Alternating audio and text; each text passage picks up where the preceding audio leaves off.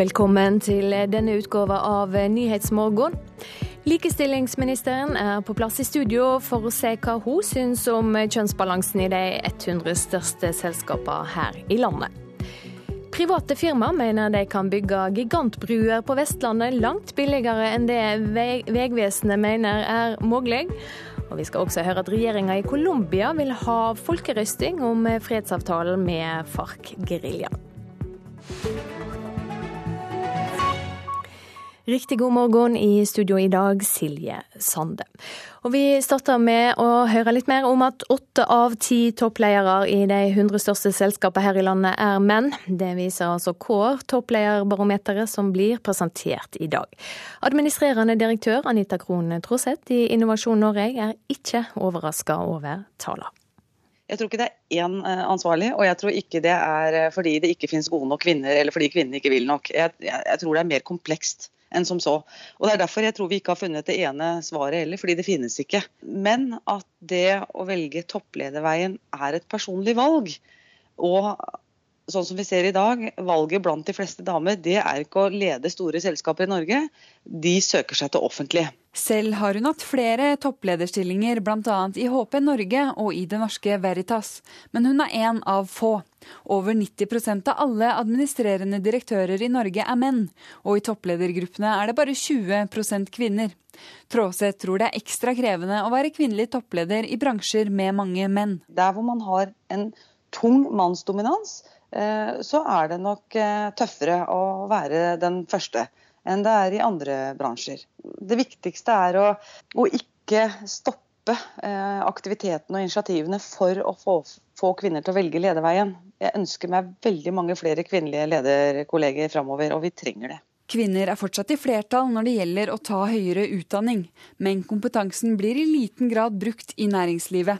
Særlig er kvinner redd for å ta lederstillinger med resultatansvar, noe Tråseth mener er synd. Hvorfor det er så viktig at kvinner også velger linjeansvaret, er at det er fra linjesiden man rekrutterer toppledere. Det er vanskelig å bli toppleder juridisk ansvarlig for et selskap hvis man ikke har hatt eh, salgs- og budsjettansvar og et stort personalansvar. Reporter her Randi Midtskog. Velkommen, likestillingsminister Solveig Horne. Du har bestilt denne forskninga. Hva syns du om resultatet? Norge er jo kåra ofte til det mest likestilte landet i verden. Men når det gjelder kvinnelige toppledere i, i selskapet i Norge, så ligger vi langt bak. Og det er jo selskapene sin, sitt ansvar å rekruttere ifra altså de kvalifiserte Eh, ansatte som de trenger, men det er, det er viktig at de har en god politikk på å rekruttere fra begge kjønn.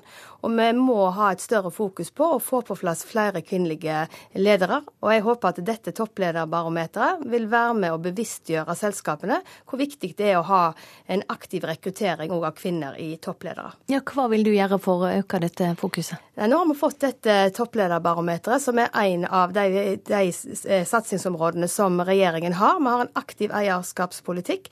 Eh, vi har eh, satset tidlig. Du ser på utdanningene, jenter og teknologi, så får flere jenter til å velge ingeniørfag.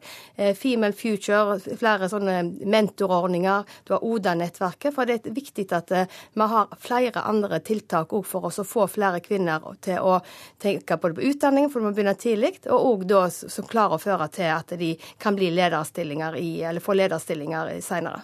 Men altså 20 kvinnelige toppledere. Eh, når det gjelder styrer, så er kvinneandelen litt høyere, på 30% Der har en jo hatt eh, klar politisk styring. Går det an å ta politiske grep for å sikre flere toppledere? Og det har jo vært eh, den kvoteringen inn i styret, men det som sideeffekten som folk hadde håpa på, det har jo ikke slått til. Det har jo vist at når det gjelder topplederstillinger, så er vi ikke i mål.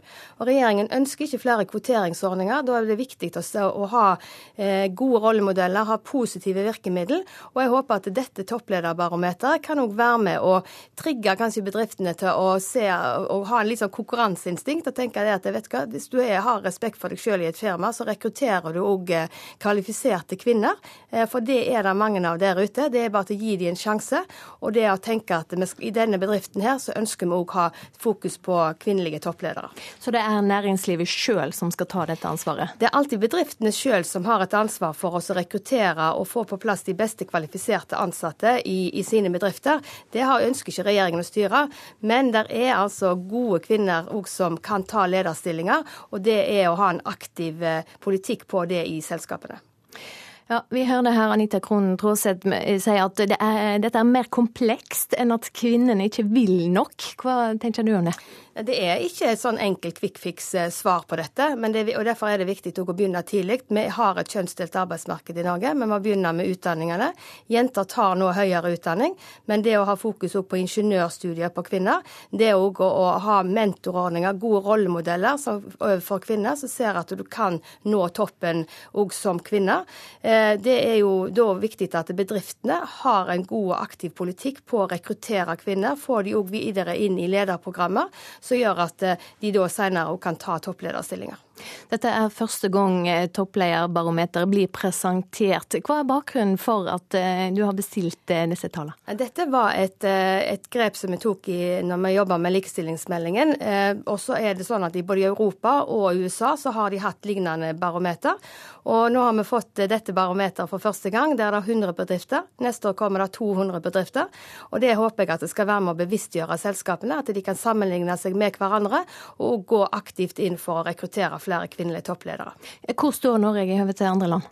Altså, generelt så ligger vi jo veldig bra an på likestillingsfeltet, men vi ligger langt bak når det gjelder topplederstillinger og med kvinner der. Eh, nå var vi på 58. plass, viser barometeret i 2014. Nå er vi på 43., så det går rette veien. Men vi har likevel en vei å gå, for vi er ikke i mål før vi ser at vi får flere toppledere, kvinnelige toppledere. Takk for at du kom til Nyhetsmorgen, Solveig Horne. Og det blir eh, flere politikere på besøk hos deg i dag, Håvard Grønli. Hva står på plakaten i Politisk kvarter? Ja, Vi skal prøve å finne ut hva i all verden som har skjedd i løpet av de siste to dagene, når det har vært så mye fram og tilbake om denne flypassasjeravgifta. I går kveld kom Frp til de eh, tre andre samarbeidspartiene og bekrefta at de likevel ikke skulle ha noen omkamp om denne avgifta. Høyres eh, Svein Flåtten kommer fra forhandlingsrommet til Politisk kvarter sammen med flere andre. Om litt over en time på denne kanalen. Vi skal ta en runde og se på hva avisene skriver om i dag. Følger deg skritt for skritt, er overskrifta i Fedrelandsvennen. På festivalen Palmesus blir det utplassert nettvarder som registrerer via mobiltelefonen hvor du går. Dette blir analysert og gitt videre til sponsorer. Datatilsynet er skeptisk og frykter at informasjonen kan misbrukes.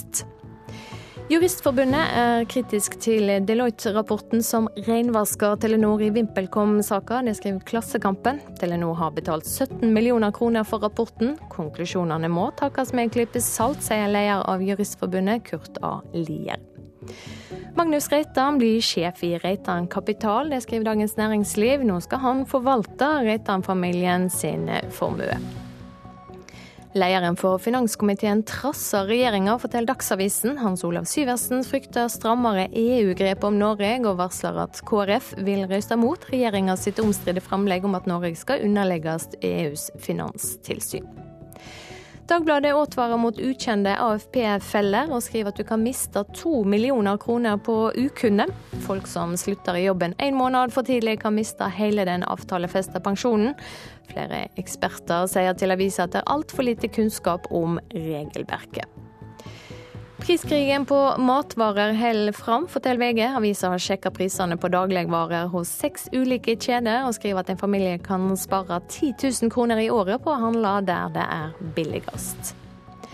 Eksamensorda sto ikke i ordboka, sier tiendeklassinger til Aftenposten. Årets norske eksamen blir sterkt kritisert av fagfolk som er samlet med elevene i at eksamensoppgavene var for kompliserte. Nordlys har snakka med Eva Line, som etterlyser en hyggeligere tone fra Nav. Da hun ba om et møte, ble hun trua med stans i dagpengene om hun ikke møtte opp. Bergensavisen skriver om Oda som ble lagt inn under tvang på den psykiatriske klinikken Sandviken. Hun kom ut derfra med jobb. 24-åringen har fått fast jobb som erfaringskonsulent ved sykehuset. Og ordfører i Tinn, Bjørn Sverre Birkeland, ber sykehusstyret om å gå etter dødsfall. Senterpartitopper mener det er sammenheng mellom pasientdødsfall og sykehusnedlegginger i Telemark. Det skriver Nasjonen.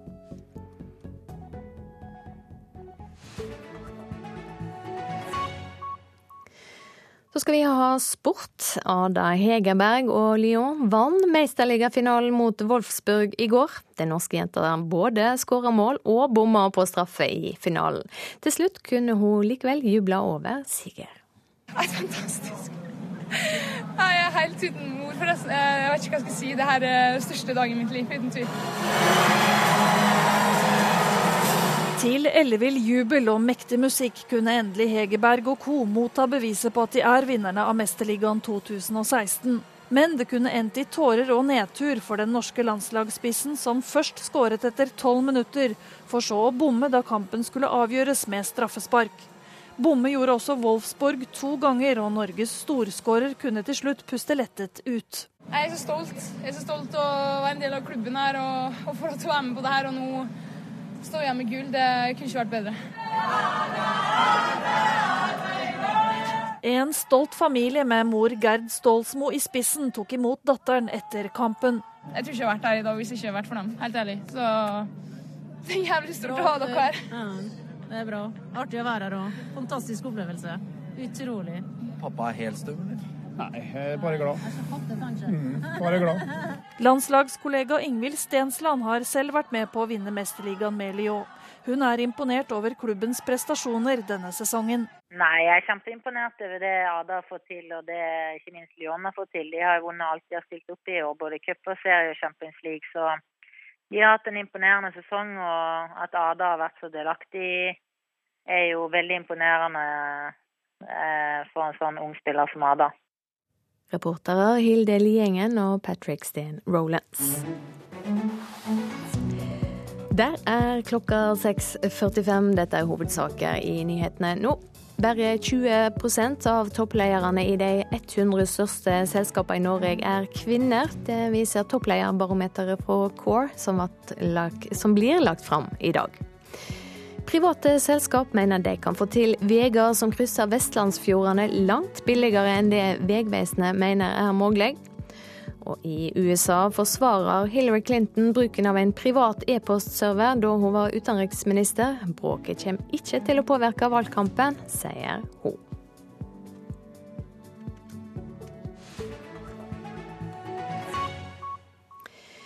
Regjeringa i Colombia ber domstolene godkjenne ei folkerøsting om en fredsavtale med FARC-geriljaen. Målet er å få slutt på konflikten med geriljaen, som har vart i et halvt århundre. Det har vært den lengste krigen på den vestlige halvkule. Over 220 000 mennesker er drept, og 6 millioner er tvunget på flukt. Siden FARC-geriljaen startet geriljakrigen i 1964. Etter fredssamtaler de siste årene, som norske diplomater har vært med på å tilrettelegge, håper partene nå på en løsning. Den colombianske regjeringen ønsker å gi en fredssamtale med FARC mer legitimitet, ved å gi folk mulighet til å støtte den gjennom en folkeavstemning.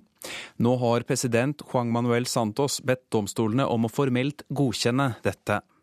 En slik folkeavstemning kan være et viktig skritt mot å skape fred i det krigsherjede landet. Reporter Haldor Asvald.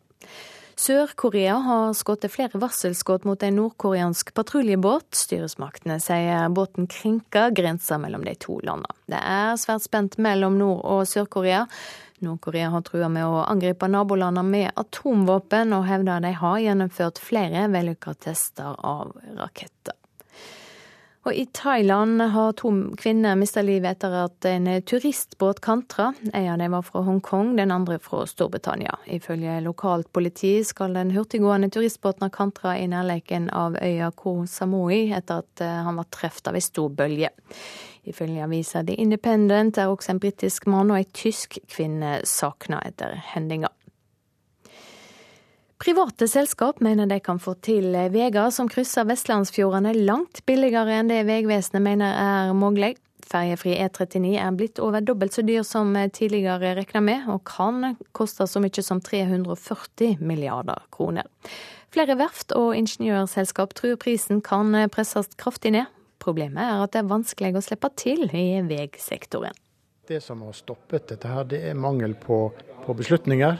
Industrien er klar, det er bare rett og slett beslutningene som mangler. Det sier Ivar Myklebos til ingeniørselskapet LMG Marin. Vanligvis konstruerer selskapet skip og plattformer på havet, nå ønsker de å bygge bruer. For bilene kjører fremdeles inn på ferjene på Vestlandet. De etterlengta fjordkryssingene let vente på seg, samtidig vokser prislappen. Ferjefri E39 alene kan komme til å koste så mye som 340 milliarder kroner, ifølge fagetatene sitt framlegg til NTP. Også langs resten av norskekysten ønsker mange å få bytta ferje med bru. Men en maritim industri som opplever vanskelige tider, mener de kan bygge bruene over fjordene enklere og billigere, bare de får slippe til. Her har vi hatt Statens vegvesen som stort sett har eh, styrt utviklingen på vei i Norge. Og eh, nå må også andre slippe til, så vi får på en måte bedre løsninger, billigere løsninger. Og eh, da vil industrien være med. Oljedirektoratet, hvis de skulle bygget alle oljeplattformene i Nordsjøen, så tror, vi hadde, ikke, det, jeg det gått feil vei. Og Det samme må skje også når det gjelder eh, store bro, broprosjekter. Der må på en måte industrien i mye større grad være med, og det er en politisk beslutning. Og han er ikke alene om å ville bygge bru. Verftet Kleven på Sunnmøre vil bygge bruene ved hjelp av robotteknologi. Produksjonsdirektør Tore Roppen mener veistyresmaktene tenker altfor mye på hvordan de enorme bruene på Vestlandet kan konstrueres, og lite om hvordan de faktisk skal produseres. Det, det, er viktig ikke bare å forske på hvor en skal tegne dette, her, men også hvor en skal produsere det. Det vil derfor være god økonomi for den norske stat å forske litt på produksjonsteknologi, noe som har blitt eh, stadig nedbygd eh, her til lands. For det er nok av arbeidsledige ingeniører på Vestlandet nå og næringslivet trenger flere bein å stå på. Offshorebransjen i dag eh, har en vanskelig ordresituasjon. Det er definitivt et godt eh, tidspunkt å forske og utvikle. Og de private aktørene får også støtte av tidligere toppleder i Statens vegvesen, Olav Ellefseth. Han har leia ferjefri E39-prosjektet for Vegvesenet og vært regionvegsjef på Vestlandet. Nå er han daglig leder for Samspleis, ei interessegruppe for bedre veier i Møre og Romsdal. Han mener veistyresmaktene må endre tankegangen sin for å presse prisen på bruene. Ja, jeg tror det er veldig viktig for å utvikle infrastrukturen i Norge videre. Vi har ikke vært flinke nok til det på lange tider, egentlig. Teknologien har vært bestemt på forhånd, og så ber man om pris for å bygge det og det. Men med andre innkjøpsmetoder, med totalentrepriser, så vil det bli en helt annen innovasjonsevne. Så jeg tror det er veldig stort potensial som vi kan ta ut med å bruke den rette kjøpsmetoden. Under en konferanse på Sandane denne veka, arrangert av selskapet som vil ha bru over Midtre Nordfjord, var det flere virksomheter som viste fram hvordan store flytebruer kan masseproduseres. Men teknologien er uprøvd, nå trengs det mer forskning, mener Morten Bjerkås i ingeniørfirmaet Reinertsen. Kostnaden vil ikke komme ned før vi begynner å gå i detalj på planlegginga. Derfor trenger vi de mindre prosjektene, kanskje på fylkesveinettet, som jeg har ei lav totalramme i forhold til E39-prosjekter. Nettopp for å kunne teste ut teknologien med lav risiko. Reporter Asker Heimdal Reksnes. Årets norskeksamen for 10. klasse har fått mange lærere og elever til å reagere. Etter at Aftenposten tok opp saka, har debatten gått høyt på norske skoler. Språket og oppgaver er for vanskelig, mener de. Og melderen som har skrevet teksten som ble brukt i oppgaven, er helt samd. Eh, skarpe observasjoner om maktarroganse og opportunisme. Hadde du kunnet forklare denne teksten, og gitt tips til hvordan en kan forstå den? Uten å google? Ja, kort sagt hele den kompakte majoriteten i det han kaller vårt neokapitalistiske lykkeland. Teksten kommer fra ei teatermelding av Ibsen-stykket En folkefiende, som tiendeklasseelevene Marius Gaupseth og Jens Ruud Bunkholt samt 18 000 andre elever fikk på norskeksamen på tirsdag. Eh, da jeg leste den teksten første gang, så tenkte jeg jo litt sånn Hæ, hva Er det noe jeg ikke forstår? Er det bare meg, eller Jeg føler meg nesten litt dum. De var ikke alene om å synes det var for vanskelig. Og ei rekke lærere har engasjert seg i debatten. En av dem er Lisbeth Gundersen. Jeg ble sint. Jeg ble rett og slett sint. på deres vegne. Nå reagerer òg melderen som står bak teksten, Borghild Måland. Og da å bli presentert en, en anmeldelse som forutsetter at kanskje folk har et forhold til Ibsen og et forhold til akkurat det stykket. Man, eh, man forventer jo at de som er interessert i å lese den anmeldelsen, faktisk uh, gjør det fordi de kjenner til tematikken i uh, En folkefiende. Og det syns jeg ikke man kan forvente av alle landets tiendeklassinger. Altså. Det er læreren enig i. Deres første offentlige eksamen det er altså møte med en ubegripelig tekst skrevet av en intellektuell for intellektuelle. Man tenker jeg, jeg skjønner ikke det her, er jeg dum? Lite psykologisk, tenker jeg, for de som har kokt i hop dette mølet, for jeg kaller det det. Det er Utdanningsdirektoratet som har ansvaret for eksamensoppgavene. Og direktør for vurderingsavdelinga Sissel Skillinghaug sier den vanskelige teksten ikke trengte å bli tolka av elevene. De blir jo ikke bedt om å forklare de vanskelige begrepene. De blir derimot bedt om å uh, vennlig forklare til en medelev hvorfor det kan være vanskelig å forstå den teksten. Likevel vil direktoratet ta kritikken til følge til elever som har syntes at dette har vært så vanskelig at, de har, at det har gitt dem en dårlig opplevelse, så er vi lei oss for det. Hvis det viser seg at denne teksten har vært så vanskelig å forstå for elevene at ikke de klarer å svare godt på oppgaven, så er det noe vi vil ta hensyn til i sensuren. Elevene på si side håper den vanskelige oppgaven ikke skal ødelegge for karakterene. Eh, jeg synes de kan eh, være litt eh, Jeg synes de kan tilpasse seg litt, da. At de ikke er så strenge, holdt jeg på å si. Reporter Maria Pile Svåsand.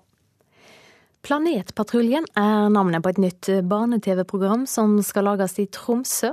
For å finne unger som kan være programledere, har det denne veka vært audition ved NRK Troms. En av de håpefulle som fikk vise seg fram framfor kamera, var Adrian Kristiansen. At vi brukte prompeputa, så satt jeg oppå den, så satt han seg og så sa Nei, vi sa først at Kom, så skal du få is. Og så satte han seg på den og prompa. Tror du at du kommer til å bli den nye programlederen? Ja. Hvorfor det? Mm, fordi at jeg var veldig flink. Det myldrer av spente unger og foreldre i korridorene til NRK Troms disse dagene. Og i mengden befinner det seg de ungene som skal bli de nye TV-fjesene fra nord. Planetpatruljen heter programmet som starter opptakene til høsten. Og her forteller prosjektleder eh, Håvard Guldal hva som egentlig foregår. De her dagene så har vi audition for eh, litt over 200 barn fra Tromsø.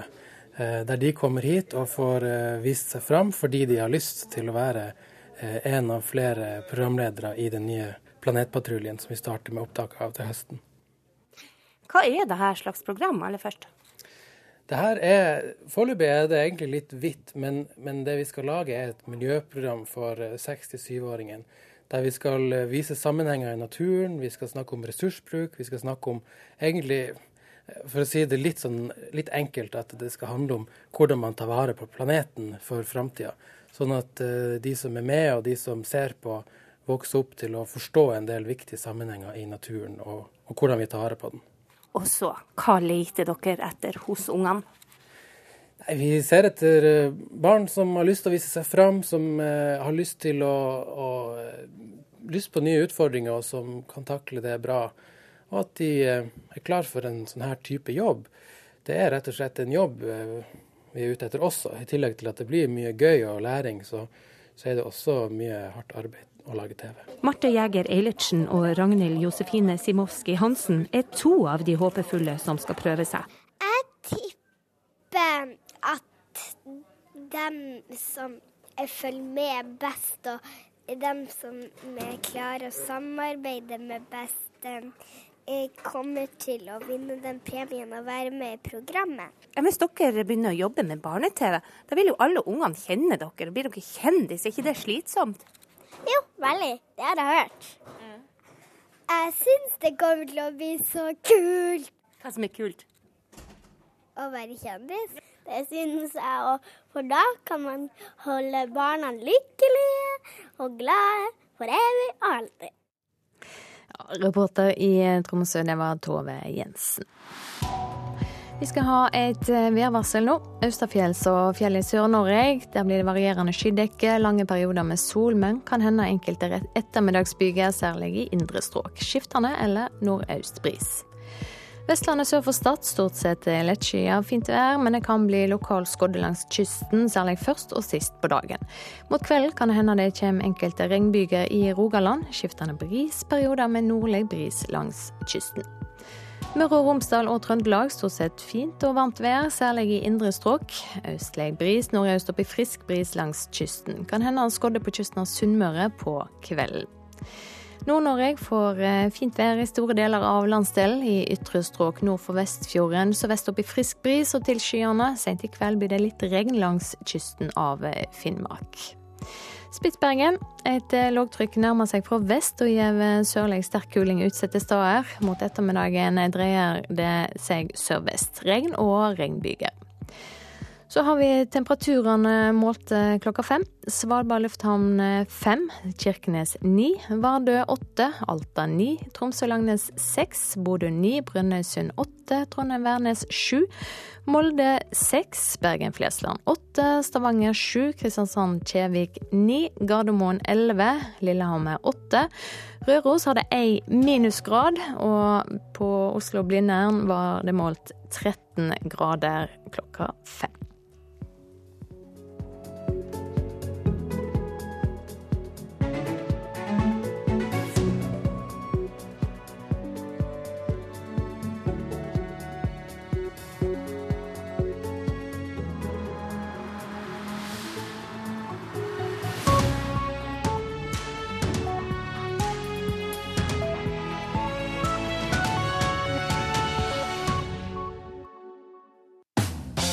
Jeg syns det er på sin plass å minne hele det norske folk på at Radioteatret for tiden sender en serie som heter Singularis på P2. Der debuterer jeg som skuespiller, og Sonja sier at jeg er ikke så aller verst. Så få det med dere på nettradioen eller på P2 sine sendinger. Eh, på, på søndager, altså. Singularis. En actionkomedie i fire deler. Søndag i NRK P2. Bakterie som ikke lar seg knekke av noen typer antibiotika, er påvist i USA. Altfor få kvinner i topplederstillinger, men kvotering er ikke veien å gå, mener likestillingsministeren. Her er NRK Dagsnytt ved Ida Creed, klokken er sju. Ja, USA har altså fått det første tilfellet der en pasient med en sykdom ikke blir kurert med antibiotika. Helsemyndighetene er bekymret. En 49 år gammel kvinne i Pennsylvania sliter med en urinveisinfeksjon hun ikke blir kvitt. Legen har prøvd alt, men ingen antibiotika ser ut til å ta knekken på bakteriene. Heller ikke kolistin, som er beregnet på såkalte marerittbakterier, ser ut til å funke. Bakterien er nå beskrevet i en undersøkelse som er presentert i The American Society of Microbiology. Helsemyndighetene slår alarm. We risk being in a post-antibiotic world. And that wouldn't just be vi risikerer å havne i en verden der antibiotika ikke lenger virker, og ikke bare på alvorlige infeksjoner, men også på enklere infeksjoner som urinveisinfeksjoner, sier direktør Thomas Frieden i det amerikanske smittevernskontoret i Washington. Det er uklart hvor farlig superbakterien er, og hvor stor risiko det er for at den spres videre, ifølge amerikanske forskere. Sa utenriksreporter Øyvind Nyborg. 80% av topplederne i de 100 største selskapene i Norge er menn. Det viser topplederbarometeret til CORE, som legges frem i dag. Kvinner er i flertall når det gjelder høyere utdanning, men kompetansen blir i liten grad brukt i næringslivet. Det er likestillingsminister Solveig Horne som har bestilt rapporten. Det har jo vært eh, den kvoteringen inn i styret, men det som sideeffekten som folk hadde håpa på, det har jo ikke slått til. Det har jo vist at når det gjelder topplederstillinger, så er vi ikke i mål. Og Regjeringen ønsker ikke flere kvoteringsordninger. Da er det viktig å ha eh, gode rollemodeller, ha positive virkemidler. Og jeg håper at dette topplederbarometeret kan òg være med å trigge kanskje bedriftene til å se og ha en litt sånn konkurranseinstinkt og tenke at hva, hvis du har respekt for deg sjøl i et firma, så rekrutterer du òg eh, kvalifiserte kvinner. Eh, for det er det mange av der ute. Det er bare til å gi dem en sjanse. Og det å tenke at i denne bedriften her så ønsker vi òg ha fokus på kvinnelige toppledere. Det sa likestillingsminister Solveig Horne. Syria er verdens farligste land for helsearbeidere, ifølge Verdens helseorganisasjon. Organisasjonen har eh, samlet inn statistikk om angrep på helseinstitusjoner og helsearbeidere i eh, konfliktområder. De to siste årene har eh, nærmere 1000 mennesker blitt drept i angrep. NRK Dagsnytt.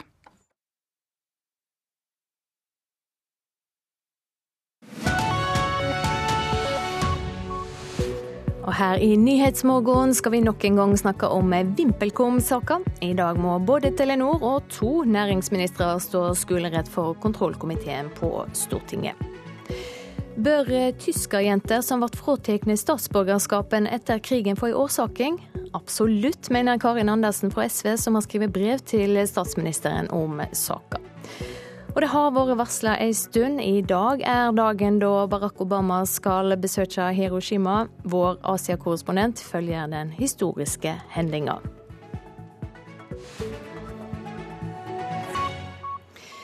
Det handler om kring sju milliarder kroner som havner hos et postkasseselskap på Gibraltar. En varsler som sa ifra til både VimpelCom og Telenor, og hvem som har, visst hva. I dag holder kontrollkomiteen høring i VimpelCom-saka. Leder i komiteen, Martin Kolberg fra Arbeiderpartiet, sier han ikke krever svar på så mange spørsmål. Det er bare ett spørsmål som denne høringen har til hensikt å belyse. Og det er om statsråden og departementet hvilken kunnskap de har hatt eller ikke hatt om korrupsjonen i VimpelCom og Telenors involvering. Men det her er ikke første gang kontrollkomiteen prøver å få svar i VimpelCom-saken. I januar 2015 var det høring, og på spørsmål om hun hadde fått svar nok, sa næringsminister Monica Mæland da. Jeg har ikke grunnlag for å hevde noe annet enn at vi har fått de opplysningene vi skal, og som vi har etterspurt. Men siden den gang har VimpelCom innrømma korrupsjon, godtatt en bot på 795 millioner dollar, og tidligere konsernsjef Jo Lunder er sikta for grov korrupsjon. Og nå, sier Kolberg. Vi må ikke glemme forhistorien nemlig den at i forrige behandling i Stortinget, i høringen og behandlingen i salen, så ble debatten og statsrådens opptreden ført på sviktende grunnlag, fordi hun hadde blitt ført bak lyset av Telenor. Vi vet at en varsler har sagt fra om at det var korrupsjon eh, i VimpelCom. Det sier Venstres Abid Raja, som også sitter i kontrollkomiteen. Historien handler om hvordan delvis Telenor-eide VimpelCom på ulovlig vis har blitt en av de største teleoperatørene i Usbekistan. Fra 2006 til 2012 har VimpelCom betalt bestikkelser på rundt 114 millioner dollar. Det har kommet frem at det er presidentdatter Gulnara Karimova som ad omveier har mottatt pengene, blant annet via et postkasseselskap på Gibraltar. Vi som politikere og som stat, eh, og egentlig også som samfunn, kan ikke akseptere og leve med at det blir begått korrupsjon i eh, statlige selskaper. Staten eier vel halvparten av Telenor, mens Telenor eier en tredjedel av VimpelCom. Høyres representanter i kontrollkomiteen har vært kritiske til nok en VimpelCom-høring. Her Erik Skutle. Ja, vi mener jo at denne høringen som skal finne sted i dag, er overflødig. Eh, vi har hatt én høring allerede. Deloitte har laget en omfattende rapport. Vi har sendt mange brev til statsråden.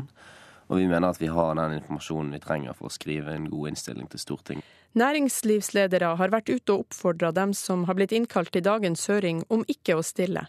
Mens andre har ment kontrollkomiteens høring kan skade respekten for statlig eierskap. Til det sier Kolberg. Det som har skadet det statlige eierskapet her, er jo at det som har skjedd, ikke skal skje. Nemlig at ledelsen i Telenor har holdt tilbake vesentlige opplysninger til sin hovedeier og ført statsråden bak lyset. Og dermed Stortinget bak lyset i en meget viktig sak, nemlig den delen av eierskapsmeldingen som disse menneskene ofte ikke snakker om, nemlig Stortingets entydige vedtak om nulltoleranse for korrupsjon. Telenor vil ikke kommentere saka, men sier til NRK at de kommer til å svare på alle spørsmål under høringa i dag. Reporter her, det var Eva Marie Bulai. Med meg nå er Terje Erikstad, utgavesjef i Dagens Næringsliv. Hva er det knytta mest spenning til eh, når det gjelder høringa i dag? Det er vel kanskje to ting som det er mest eh, spenning knyttet til. Det ene er den tidligere VimpelCom-sjefen Jo Lunder sin forklaring. Han har jo tidligere ikke møtt i denne saken. Eh, han var jo konsernsjef i VimpelCom da denne korrupsjonen fant sted. Og det å få hans fremstilling av hva som skjedde, tror jeg kan bli et sentralt punkt. Og et annet sentralt punkt er den varslingen som skjedde, og som kom til eh, topper i Telenor. Hvorfor ble ikke det varselet om mulig korrupsjon eh, Hvorfor gikk det ikke videre til konsernsjefen eh, Baksås og til styret i Telenor? Eh, det får vi vel kanskje ikke et klart svar på, fordi de som ble varslet, ikke stiller til høring. Jo Lunde er altså sikta for grov korrupsjon. Hva må han svare på? Ja, Han må jo redegjøre for sin rolle da denne utbetalingen fant sted. Og det har, han, det har han gjort tidligere på en pressekonferanse i etterkant av at han ble siktet og, og av Økokrim for mulig medvirkning til korrupsjon. Og eh, han må redegjøre for hva han visste og hva han gjorde på det tidspunktet. Men det er jo ikke noe som har noe direkte med Telenor og det statlige eierskapet å gjøre. Dette var jo, han var jo sjef i et selvstendig børsnotert selskap. Eh, og, men, men, må redegjøre for sin rolle i, i prosessen, da. Senest i dag så kan vi lese kraftig kritikk av kontrollkomiteens rolle i VimpelCom-saka i de avis eh, Dagens Næringsliv. Hvordan har denne saka påvirka synet på hvordan staten skal utøve sitt eh, eierskap? Den, den uh, høringen som var, uh, og, som, og den som kommer nå, har begge ført til en debatt om kontrollkomiteen har gått for langt i å prøve å være et slags etterforskende organ. Og prøve å finne ut om det har eh, skjedd korrupsjon eller ikke. Det tilligger jo politiet å etterforske og, og, finne ut av. Og der vet vi svaret nå, nemlig at eh, VimpelCom har innrømmet korrupsjon. Og så er det da eh, viktig å, å understreke at Eh, kontrollkomiteens rolle er jo å undersøke hva statsråden, hvordan statsråden har utøvd statens eierskap i Telenor. Og her har det blitt da en form for hva skal vi si, rollekonflikt mellom de to tingene eh, i, i denne debatten. Tre tidligere Telenor-topper stiller ikke opp i høringssalen i dag. Hva kan det ha å si? Ja, det er jo synd i den forstand at Eh, disse, to av disse Telenor, tidligere Telenor-toppene var jo de som ble varslet om denne mulige korrupsjonen, og som ikke tok det videre til eh, sin konsernsjef på det tidspunkt. Og det hadde vært veldig interessant å få deres versjon om hvorfor de handlet som de gjorde. Og den tredje personen satt jo i styret i VimpelCom, og det hadde også vært veldig interessant å få hans versjon om hva styret i VimpelCom gjorde eller ikke gjorde i denne saken. Terje Erikstad fra Dagens Næringsliv, takk for at du var med hos oss i Nyhetsmorgen. Til behandlinga av tyskerjenter etter krigen. Stortingsrepresentant Karin Andersen fra SV ber nå statsminister Erna Solberg gi tyskerjentene som ble fratatt statsborgerskapen etter krigen, en offisiell årsaking. Mellom 2000 og 3000 kvinner som gifta seg med tyskere, ble fradømte den norske statsborgerskapen sin, mens menn som var sammen med tyske jenter, ikke ble handsamet på samme måte. De som flytta tilbake til Norge, fikk tilbake statsborgerskapet i 1989. Ja, hva gjorde du? Fulgte du meg hjem den gangen? Ja, han fulgte meg hjem på trikken. De ble kalt tyskertøs eller tyskerjente. Det var det nedsettende navnet på de norske kvinnene som hadde kjærleiksforhold til tyske soldater i Norge under andre verdenskrig. Mali Franke traff sin tyske mann under krigen. Da vi giftet oss, da vet du, så hadde jeg en veldig fin brudebukett av høstløv. Og så hadde hun pyntet stolene våre med høstløv. Etter krigen ble de som hadde vært sammen med tyske soldater, internerte i leirer, snauklipte og offentlig oppstilt til spott og spe. Jusprofessor Johs Andenes var ei tydelig røyst i denne saka. Det var jo en del eh, privat justis eh, i den første tiden etter frigjøringen, hvor folk tok seg selv til rette. Og dette gikk jo mest utover uh, tyskerjentene. Men det forekom såpass mye av det at man må si det er uh, en uh, flekk på bildet av rettsoppgjøret. I 1945 ble statsborgerskapslova endra. Paragraf 13 der sa at disse norske kvinnene som var gifte med tyskerne, skulle miste sitt statsborgerskap og måtte reise fra landet. Mellom 2000 og 3000 kvinner mista med det sitt norske pass. Eldbjørg Skjønning var ei av dem. Jeg syns det er veldig urettferdig at statsborgerskapet ble tatt ifra oss pga. at vi hadde kjærlighet til et annet menneske som var like glad enn oss da endelig den forferdelige krigen var slutt.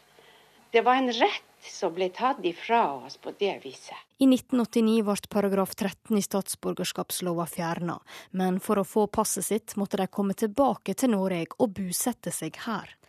NRK møtte noen av dem da dette ble kjent. Jeg mener som så at vi står like langt.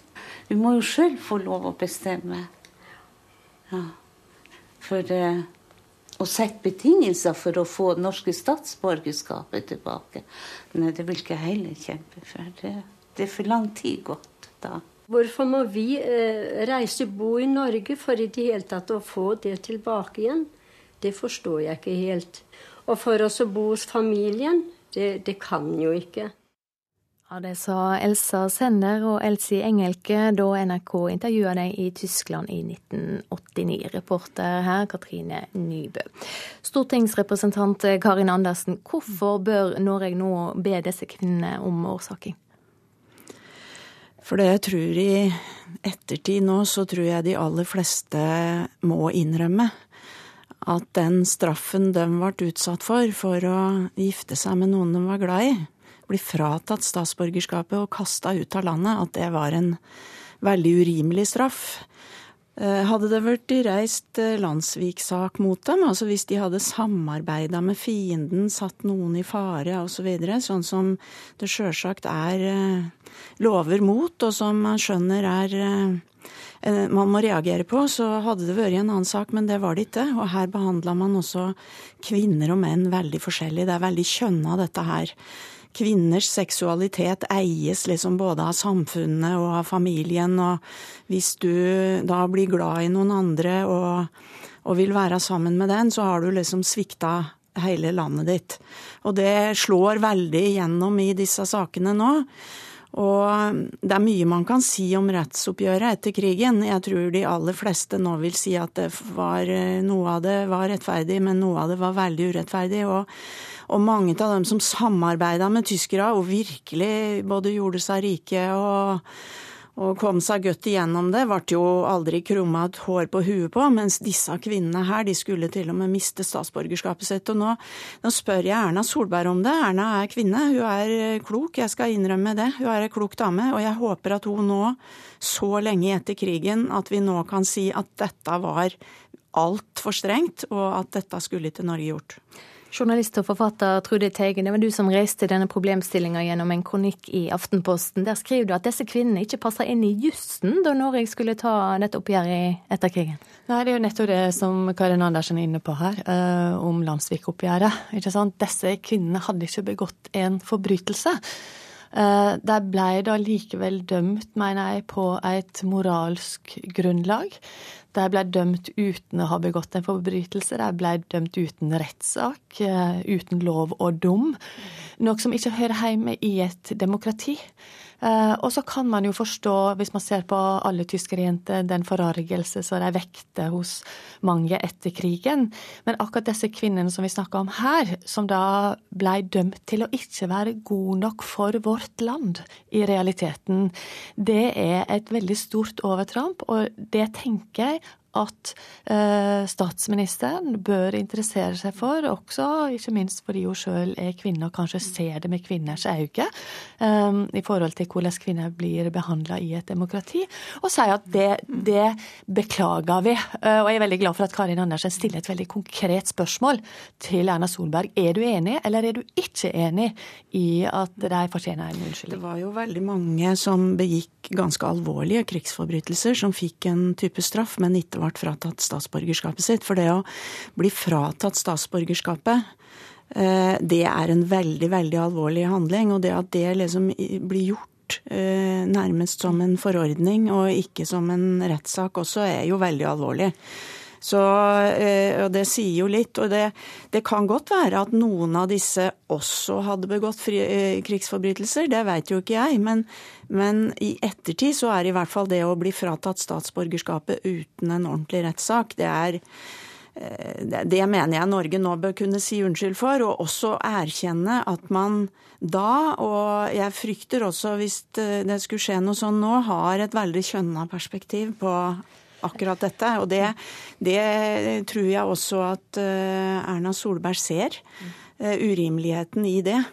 Jeg har jo kontakt med kvinner, og har hatt kontakt med kvinner som opplevde dette. Eh, og jeg kom jo med romanen 'Mormor danset i regnet' i fjor, som handla akkurat om jeg sa kvinner. Det var fordi jeg møtte ei norsk norsk kvinne som hadde bodd 65 år i Tyskland, og som nettopp hadde flytta hjem. Mannen var død, hun hadde ingen barn der. Uh, og når jeg kom inn i, på aldersheimen på Nordfjordeid til henne, så var det én ting som var det virkelig viktigste i livet henne. Og det lå ved siden av kaffekoppen. Klart til jeg kom. Og det var det norske passet. Mm. Det hadde hun akkurat fått igjen etter nesten 65 år. Og så holder hun det opp mm. mot meg sånn, og så ser hun inn i øynene med glede og en del bitterhet i det blikket. Og så sa hun du, jeg er god nok nå. Mm. Og det, Sånne møter glemmer du aldri for henne i så mange år, som følte seg norsk hele tida, og ikke har rett til å, å komme tilbake til Norge, besøke familie, måtte søke om det hver gang. Det, det, var en så sterk opplevelse at jeg måtte bare skrive en roman om det til slutt. Altså. Ja, det... Karin Andersen, mange av disse kvinnene er døde nå. Har en årsaking Er det så viktig så sent? Jeg mener det er viktig for å komme videre og for å ikke gjøre slike feil om igjen. For jeg tror at eh, du kan si denne, disse tankene om at kvinner eh, skal behandles annerledes enn menn i slike situasjoner, lever videre. Men har ikke synet på kvinner eh, endra seg jo, også? Jo, det har forandra seg, men for å si det sånn, mange steder i verden er det sånn ennå. Du ser hvordan overgrep mot kvinner også blir brukt som våpen i krig. Og at eh, det derre eh, overtona på at kvinners eh, seksualitet egentlig eies av fellesskapet, den lever nok ennå. Og det jeg òg tenker når jeg leser om disse sakene, er hvor unge de var. Altså, de var, de var, veldig unge, og det er jo også sånn at uh, av og til så forelsker man seg i feil person. Eh, det får ofte negative konsekvenser, men de fleste av dem er veldig personlige. Men her har det altså staten gripet inn overfor veldig unge mennesker som har forelska seg i hverandre og tatt fra dem statsborgerskap. Og det mener jeg er, det var veldig uriktig da, og nå bør vi kunne i hvert fall innrømme det. Jeg hadde en samtale med ei kvinne som, um, som, hadde en eh, norsk mor og tysk far, og som har vokst opp i Tyskland og har flytta hjem igjen til eh, Norge. Og er da døtra til denne kvinna som jeg traff, som døde tre måneder etter jeg møtte henne. Men hennes barn, når jeg snakka med henne og fortalte henne at nå må statsministeren svare, den, den reaksjonen på telefonen, denne gleden dette hun følte, og så sa hun det, det Min mor får ikke oppleve en unnskyldning. Men for meg betyr det veldig mye uh, at den kommer. Så jeg tror faktisk betyr masse for barna til disse kvinnene, og også til barnebarnet der. Så jeg håper Erna Solberg klarer å gå inn i dette med åpent blikk eh, og nytt blikk, og se på dette på nytt. Ja, jeg tror det er viktig òg, fordi at eh, det er mange som eh, lever med ulike forhold bakover i familien etter krigen. Og vi som lever nå, vi er nødt til å forholde oss til hverandre uten at noen unger og barnebarn skal dra på den arven. Takk for at jeg kom i studio, Karin Andersen, stortingsrepresentant, og journalist og forfatter Trude Teige. Klokka er blitt 7.22. Dette er hovedsaker nå. Bare 20% av topplederne i de 100 største selskapene i Norge er kvinner, men kvotering er ikke veien å gå, mener likestillingsministeren. Som vi hørte, Kvinner som ble fratatt statsborgerskapen etter krigen fordi de gifta seg med tyskere, må få en årsaking. Det mener Karin Andersen fra SV, som altså har skrevet brev til statsministeren om saka. Og bakterier som ikke lar seg knekke av noen type antibiotika, er påviste i USA.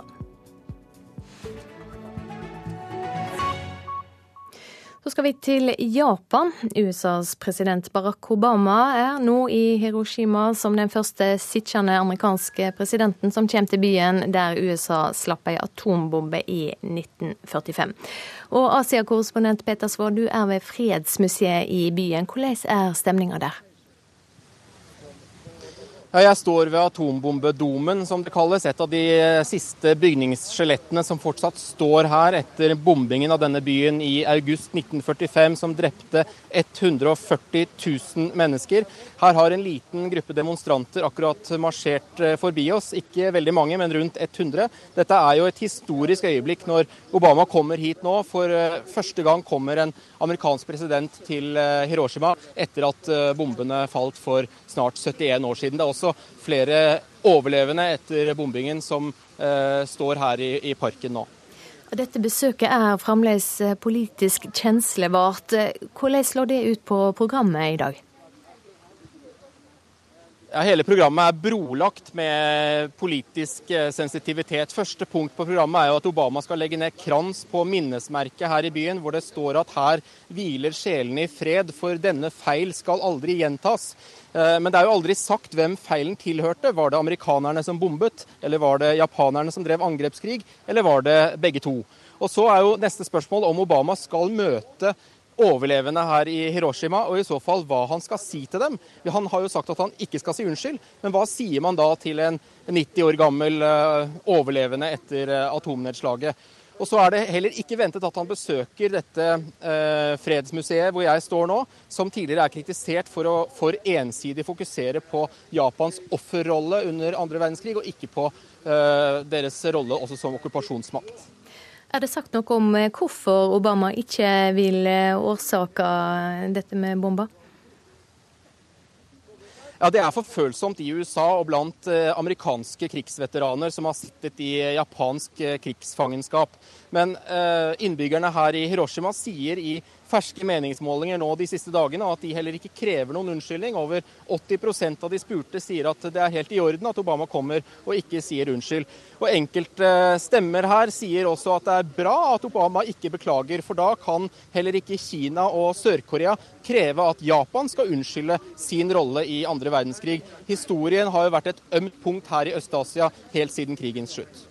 Kort til slutt, Peter. Obama fikk Nobels fredspris eh, i 2009 for sin visjon om ei atomvåpenfri vær. Har han sagt noe om det i Japan? Han har ikke sagt om det enda, men han kommer sannsynligvis til å gjøre det om eh, en time eller to når han skal holde en tale her i eh, Hiroshima. Samtidig er det jo et paradoks at Obama i sin presidentperiode har hatt én stor seier og et stort nederlag i sin avrustningspolitikk. Seieren heter Iran, og nederlaget heter Nord-Korea, hvor eh, eh, Nord-Korea bare eh, en times flytur herfra sprengte sin fjerde atomprøvesprengning tidligere i år, og hvor den amerikanske politikken etter manges mening har feilet fullstendig. Takk skal du ha, Asia-korrespondent Peter Svår. Så skal vi til Storbritannia. Med under fire uker igjen til folkerøstinga om fremdeles EU-medlemskap for landet, øker nå intensiteten i valgkampen. Men velgerne har knapt endra mening siden i fjor høst. Det viser en undersøking gjort av et universitet i Skottland. It's got petty at times. And I don't think many people are very clear with the decision that they've got to make because it's been all about headlines. But Nick Bray er ikke særlig imponert over verken ja- eller nei-kampanjen når NRK treffer ham på gaten i London. Han skal stemme for fortsatt medlemskap i EU den 23. juni, og skal vi tro de siste meningsmålingene, så stemmer flertallet som ham. Men kan vi tro dem? Det er tatt opp mengder av meningsmålinger den siste tiden. Noen på nett, noen med automatiske telefonoppringninger og etter hvert flere og flere rene telefonintervjuer. De har ført til store oppslag om at nei-siden leder, eller at ja-siden leder, eller at det er dødt løp. Men hva om du analyserer alle meningsmålingene? Det har professor John Curtis ved Strathclyde-universitetet i Skottland gjort, og han har funnet ut at folk stort sett har ment det samme helt siden september i fjor. Um, and it's very difficult to identify any significant, substantial shift in public opinion. Det har knapt flyttet seg noe som helst, forteller Curtis. Nå i innspurten har folks oppfatninger om hva de skal stemme, kun flyttet på seg 0,8 mot å bli værende i EU siden april, da kampanjene for alvor skjøt fart. If you are making a decision this big, you really need to think through Likevel har det ikke manglet på advarsler. Og det har vært avholdt tusenvis av små og store møter om EU rundt omkring i Storbritannia siden avstemningsdatoen ble satt. Kanskje til ingen nytte.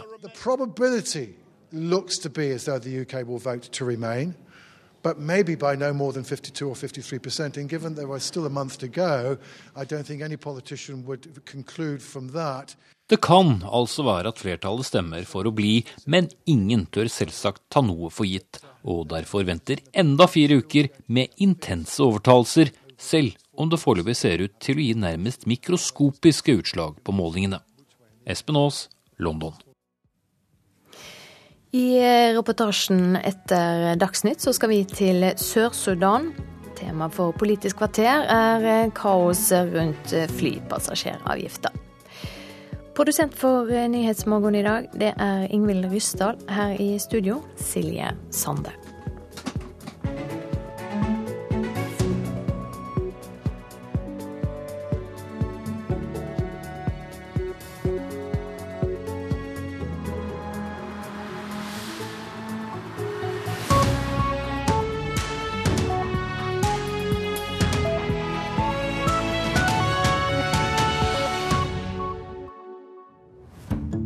Romeo og Julie i Somalia. En amerikaner som er forelsket i Lofoten. Og full seksuell forvirring i den grønlandske vennegjengen. Kulturhuset sender direkte fra teltet i hjertet av Lillehammer på litteraturfestival. I dag klokken 13.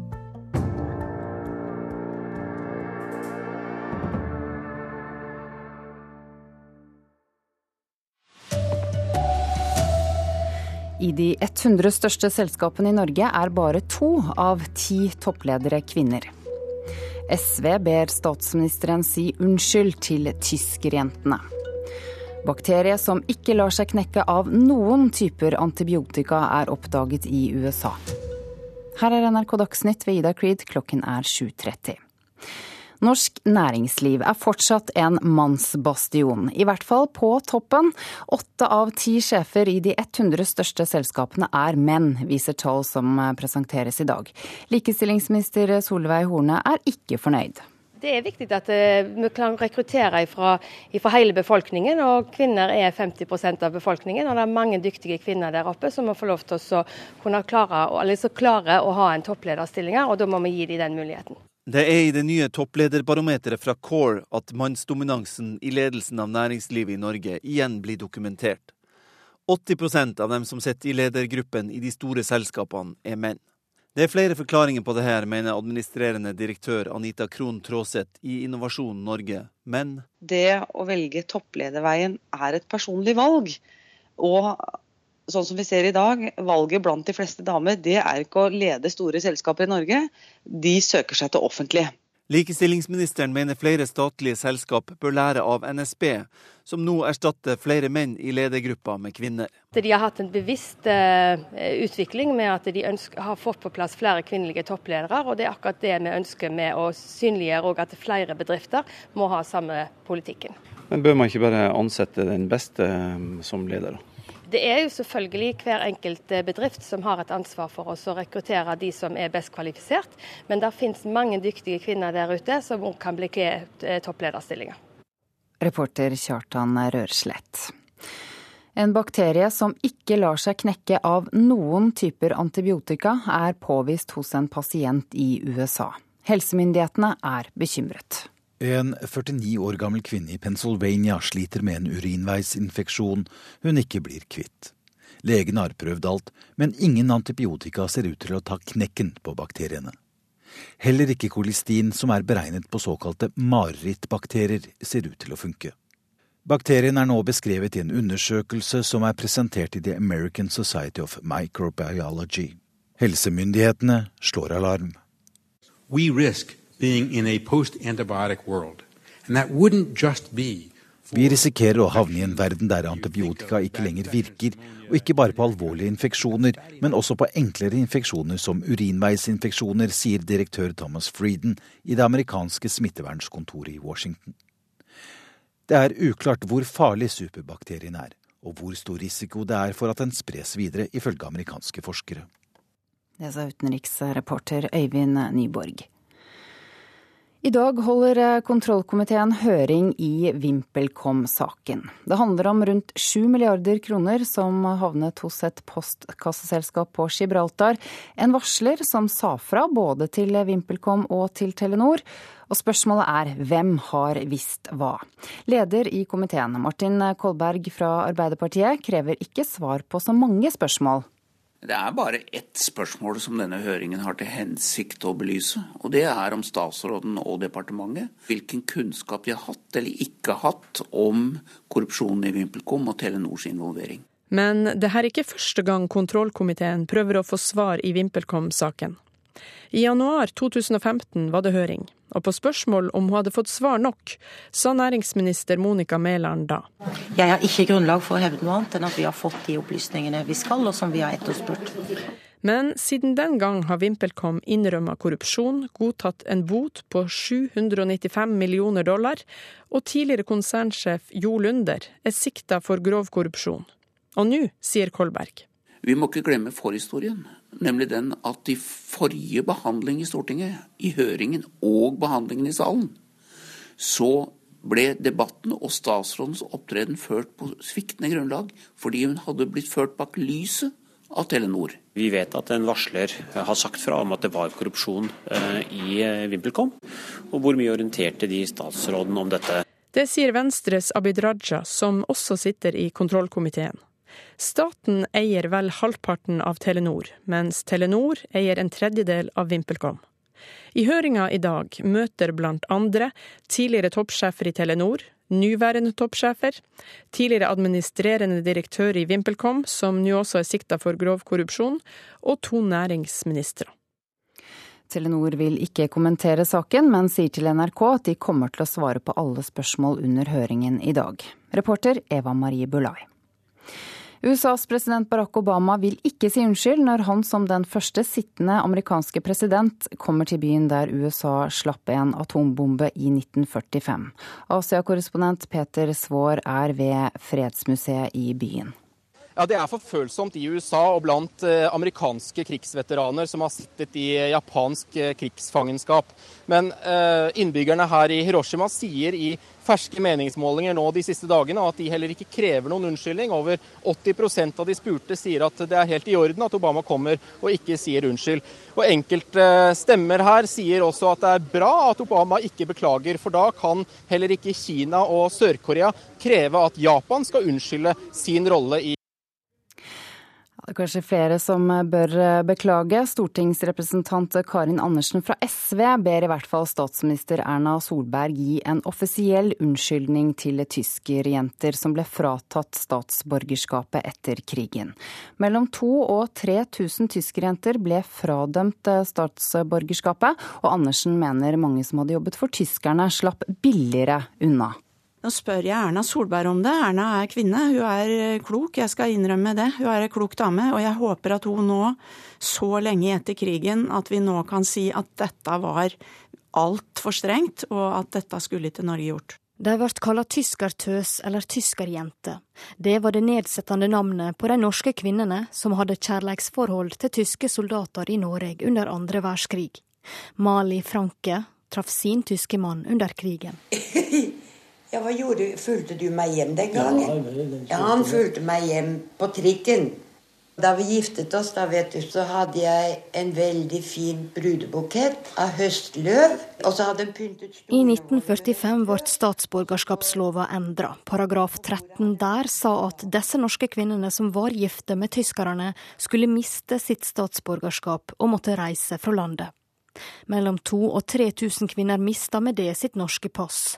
Eldbjørg Skjønning var ei av dem. Jeg syns det er veldig urettferdig at statsborgerskapet ble tatt ifra oss pga. at vi hadde kjærlighet til et annet menneske som var like glad enn oss da endelig den forferdelige krigen var slutt.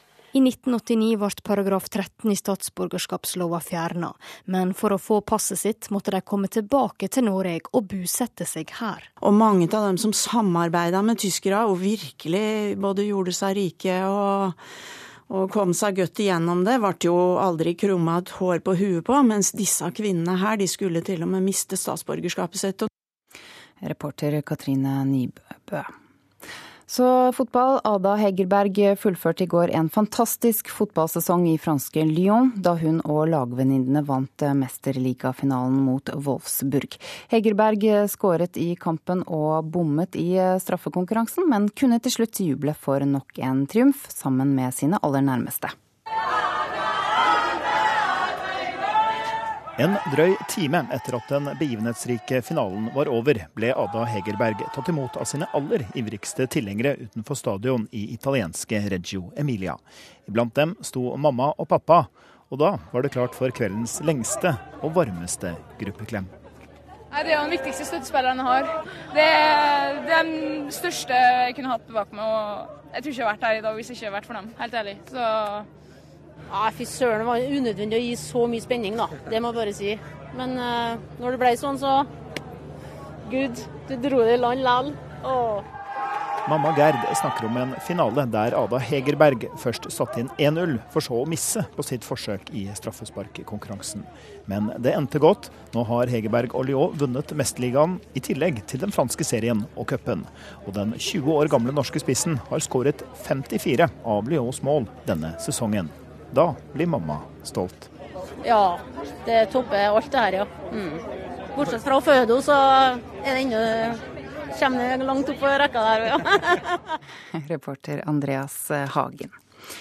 Microsoft og Facebook skal samarbeide om å strekke en ny nettkabel på tvers av Atlanterhavet. Kabelen skal gå fra delstaten Virginia på den amerikanske østkysten til kystbyen Bilbao i Nord-Spania. Hensikten er å styrke nettforbindelsen mellom USA og Europa. Ansvarlig for Dagsnytt-sendingene denne morgenen er Sven Gullvåg.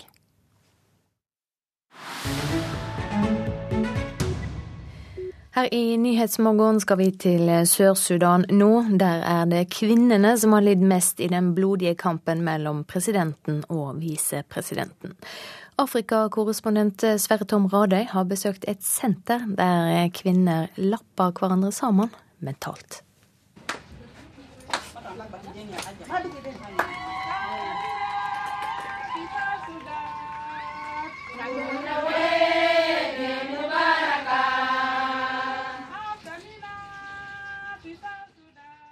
Smykker av plastperler henger tungt rundt nakke og håndledd. Fargene spraker fra selvsydde kjoler, men dette er ingen fest. Disse 40 kvinnene i Juba synger om sorg.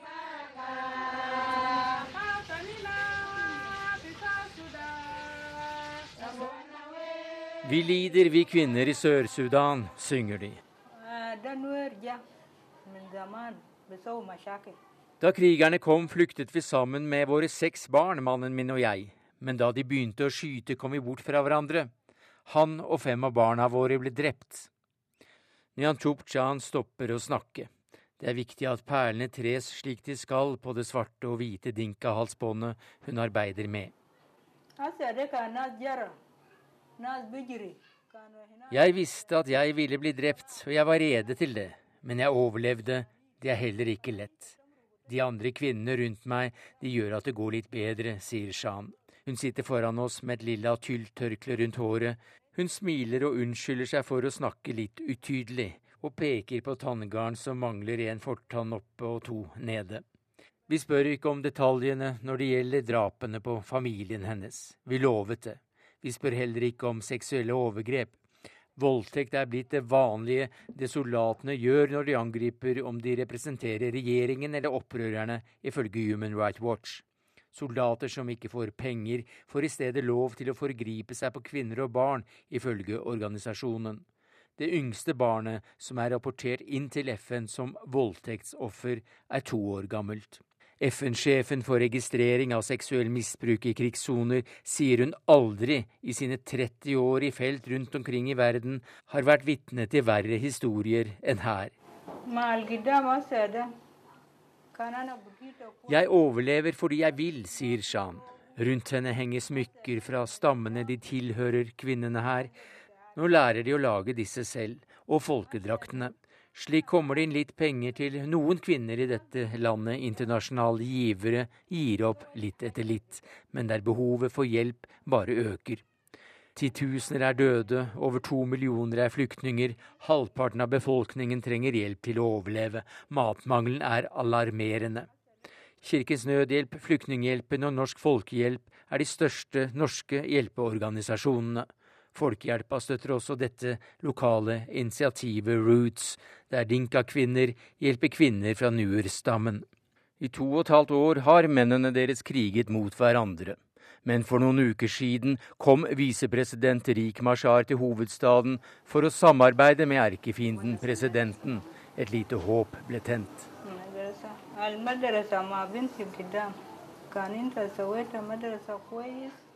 Jeg vet ikke noe om fremtiden, sier Shan. Det er Sør-Sudans kvinner som slåss for fred, dyrker jorda og holder familien sammen. Men seksbarnsmoren har mistet mannen og fem av sine seks barn. Det er for mye. Hun føler seg ikke som noen helt. Det er sterke kvinner her i Sør-Sudan, men jeg er svak, sier Shan.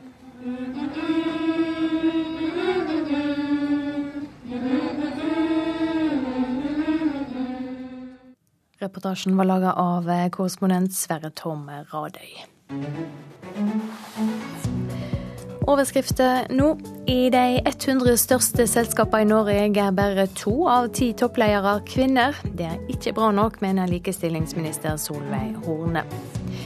Kvinner som ble fratatt statsborgerskapen etter krigen fordi de gifta seg med tyskere, må få en årsaking. Det mener Karin Andersen fra SV, som har skrevet brev til statsministeren om saka.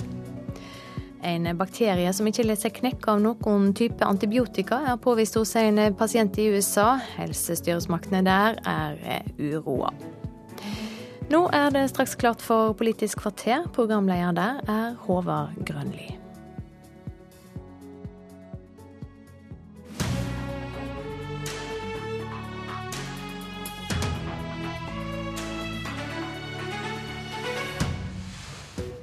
Om du skulle være i tvil, det blir flypassasjeravgift. Vi spør Høyre om det var behov for å sette på plass Frp. Vi spør Venstre om hvorfor de er mer opptatt av å kritisere Ap enn Frp. Og Venstre spør Ap om hvorfor de vil la Ryanair styre norsk avgiftspolitikk. Velkommen til sending om den paradoksale saka som har alt. Bortsett fra én ting, og det er en Frp-representant her i studio. Men vit at de har fått mange tilbud. Men du er her, Svein Flåtten. God morgen og velkommen. God morgen.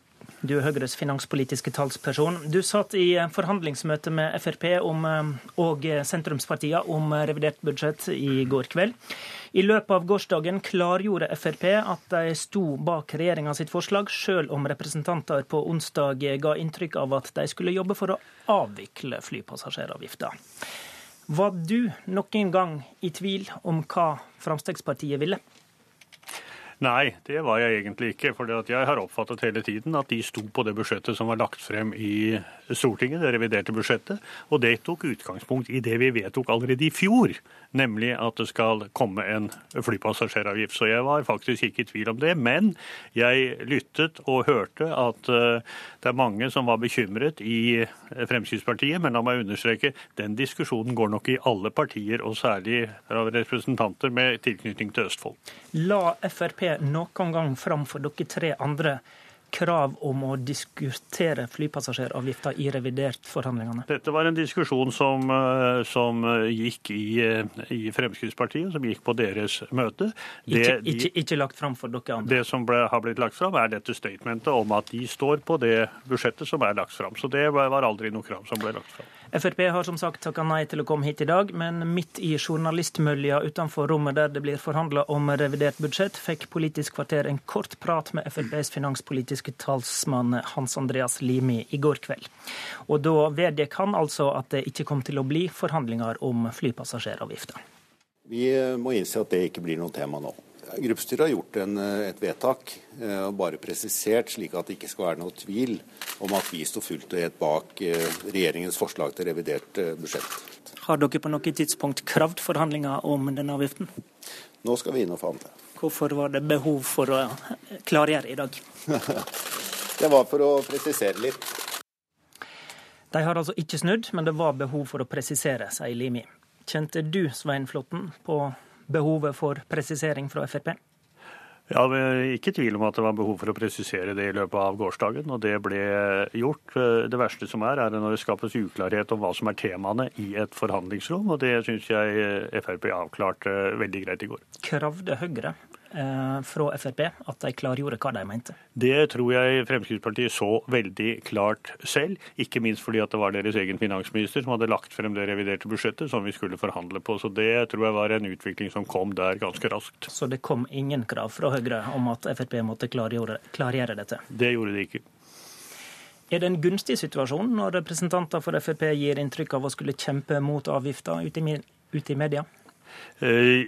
Som jeg sa innledningsvis her, det har nok vært diskusjoner i alle partier. Det som er mest ugunstig med den situasjonen som dukket opp, er at vi har brukt opp eh, tid, og nå får det enda mer travelt enn vi egentlig hadde. Men det er jo alltid, eh, alltid unødvendig, etter mitt syn, at man får diskusjoner om et budsjett som allerede er vedtatt. Men jeg forstår situasjonen i Østfold, og jeg forstår at disse diskusjonene dukker opp. Ja, En kan jo også se det som fornuftig eh, å teste ut om det finnes et forhandlingsrom for å berge arbeidsplasser? Ja, det kan man alltid gjøre, men her hadde vi en litt annen situasjon. For denne passasjeravgiften den var lagt på passasjerene. Den var vedtatt i budsjettet i fjor. Den var eh, forutsatt gjennomført i det reviderte budsjettet vi har. Slik at det var egentlig ikke noe slingringsmonn der. Det måtte man da eventuelt finne andre steder. Blir det andre tiltak for uh, Mosseregionen Østfold i revidert uh, budsjett i forhandlingene nå? Det ligger ikke noe om det i det materialet som uh, vi har. kan det komme? det kan jeg ikke si noen ting om, det, hva som er tema og ikke tema. Men det er en mengde innspill om veldig mange saker. Men akkurat hva som skjer med den saken, kan jeg ikke si noe mer om i øyeblikket. Vi vender oss til deg, politisk kommentator i NRK Magnus Takvam. Hvordan skal vi forstå hvordan Frp har opptrådt de siste dagene? For det første, som dere har vært inne på, så er det ikke rart at uh, det oppstår en debatt om uh, en avgift når Ryanair vedtar å legge ned sin virksomhet. Sånn at det skjer i Frp, og det skjedde også i mange andre partier. Men det som har gjort dette til en pinlig sak for Fremskrittspartiet, etter min mening, det er et par forhold. For det første så hadde både Erna Solberg og Siv Jensen bare noen timer før markert meget tydelig i Stortinget at de sto fast på dette forslaget, og at Ryan Airs beslutning bare var eh, en unnskyldning, eh, at de bare skyldte på flypassasjeravgiften for å gjennomføre noe de uansett hadde tenkt å gjøre. Eh, det andre er at partiet, skulle de ha blitt tatt på alvor, så måtte de ha lagt på bordet en alternativ inndekning over 1,3, eller rundt 1,3 milliarder kroner som man taper hvis man fjerner avgiften. Det forelå ikke. Og det var heller ingen forsøk på å forankre dette i et potensielt flertall. Heller ikke med han som sitter ved siden av oss her. Og eh, Da får man et inntrykk av et parti som bare vil vise handlekraft, men som praktiserer avmakt, egentlig. Mm. Nå hørte vi eh, Flåtten si at, dette, altså at det var behov for presiseringer. Det fant Frp ut sjøl. Flåtten sa nettopp nå at eh, det kom ingen slike krav fra, fra Høyre. Eh, var det slik det skjedde, etter det du vet?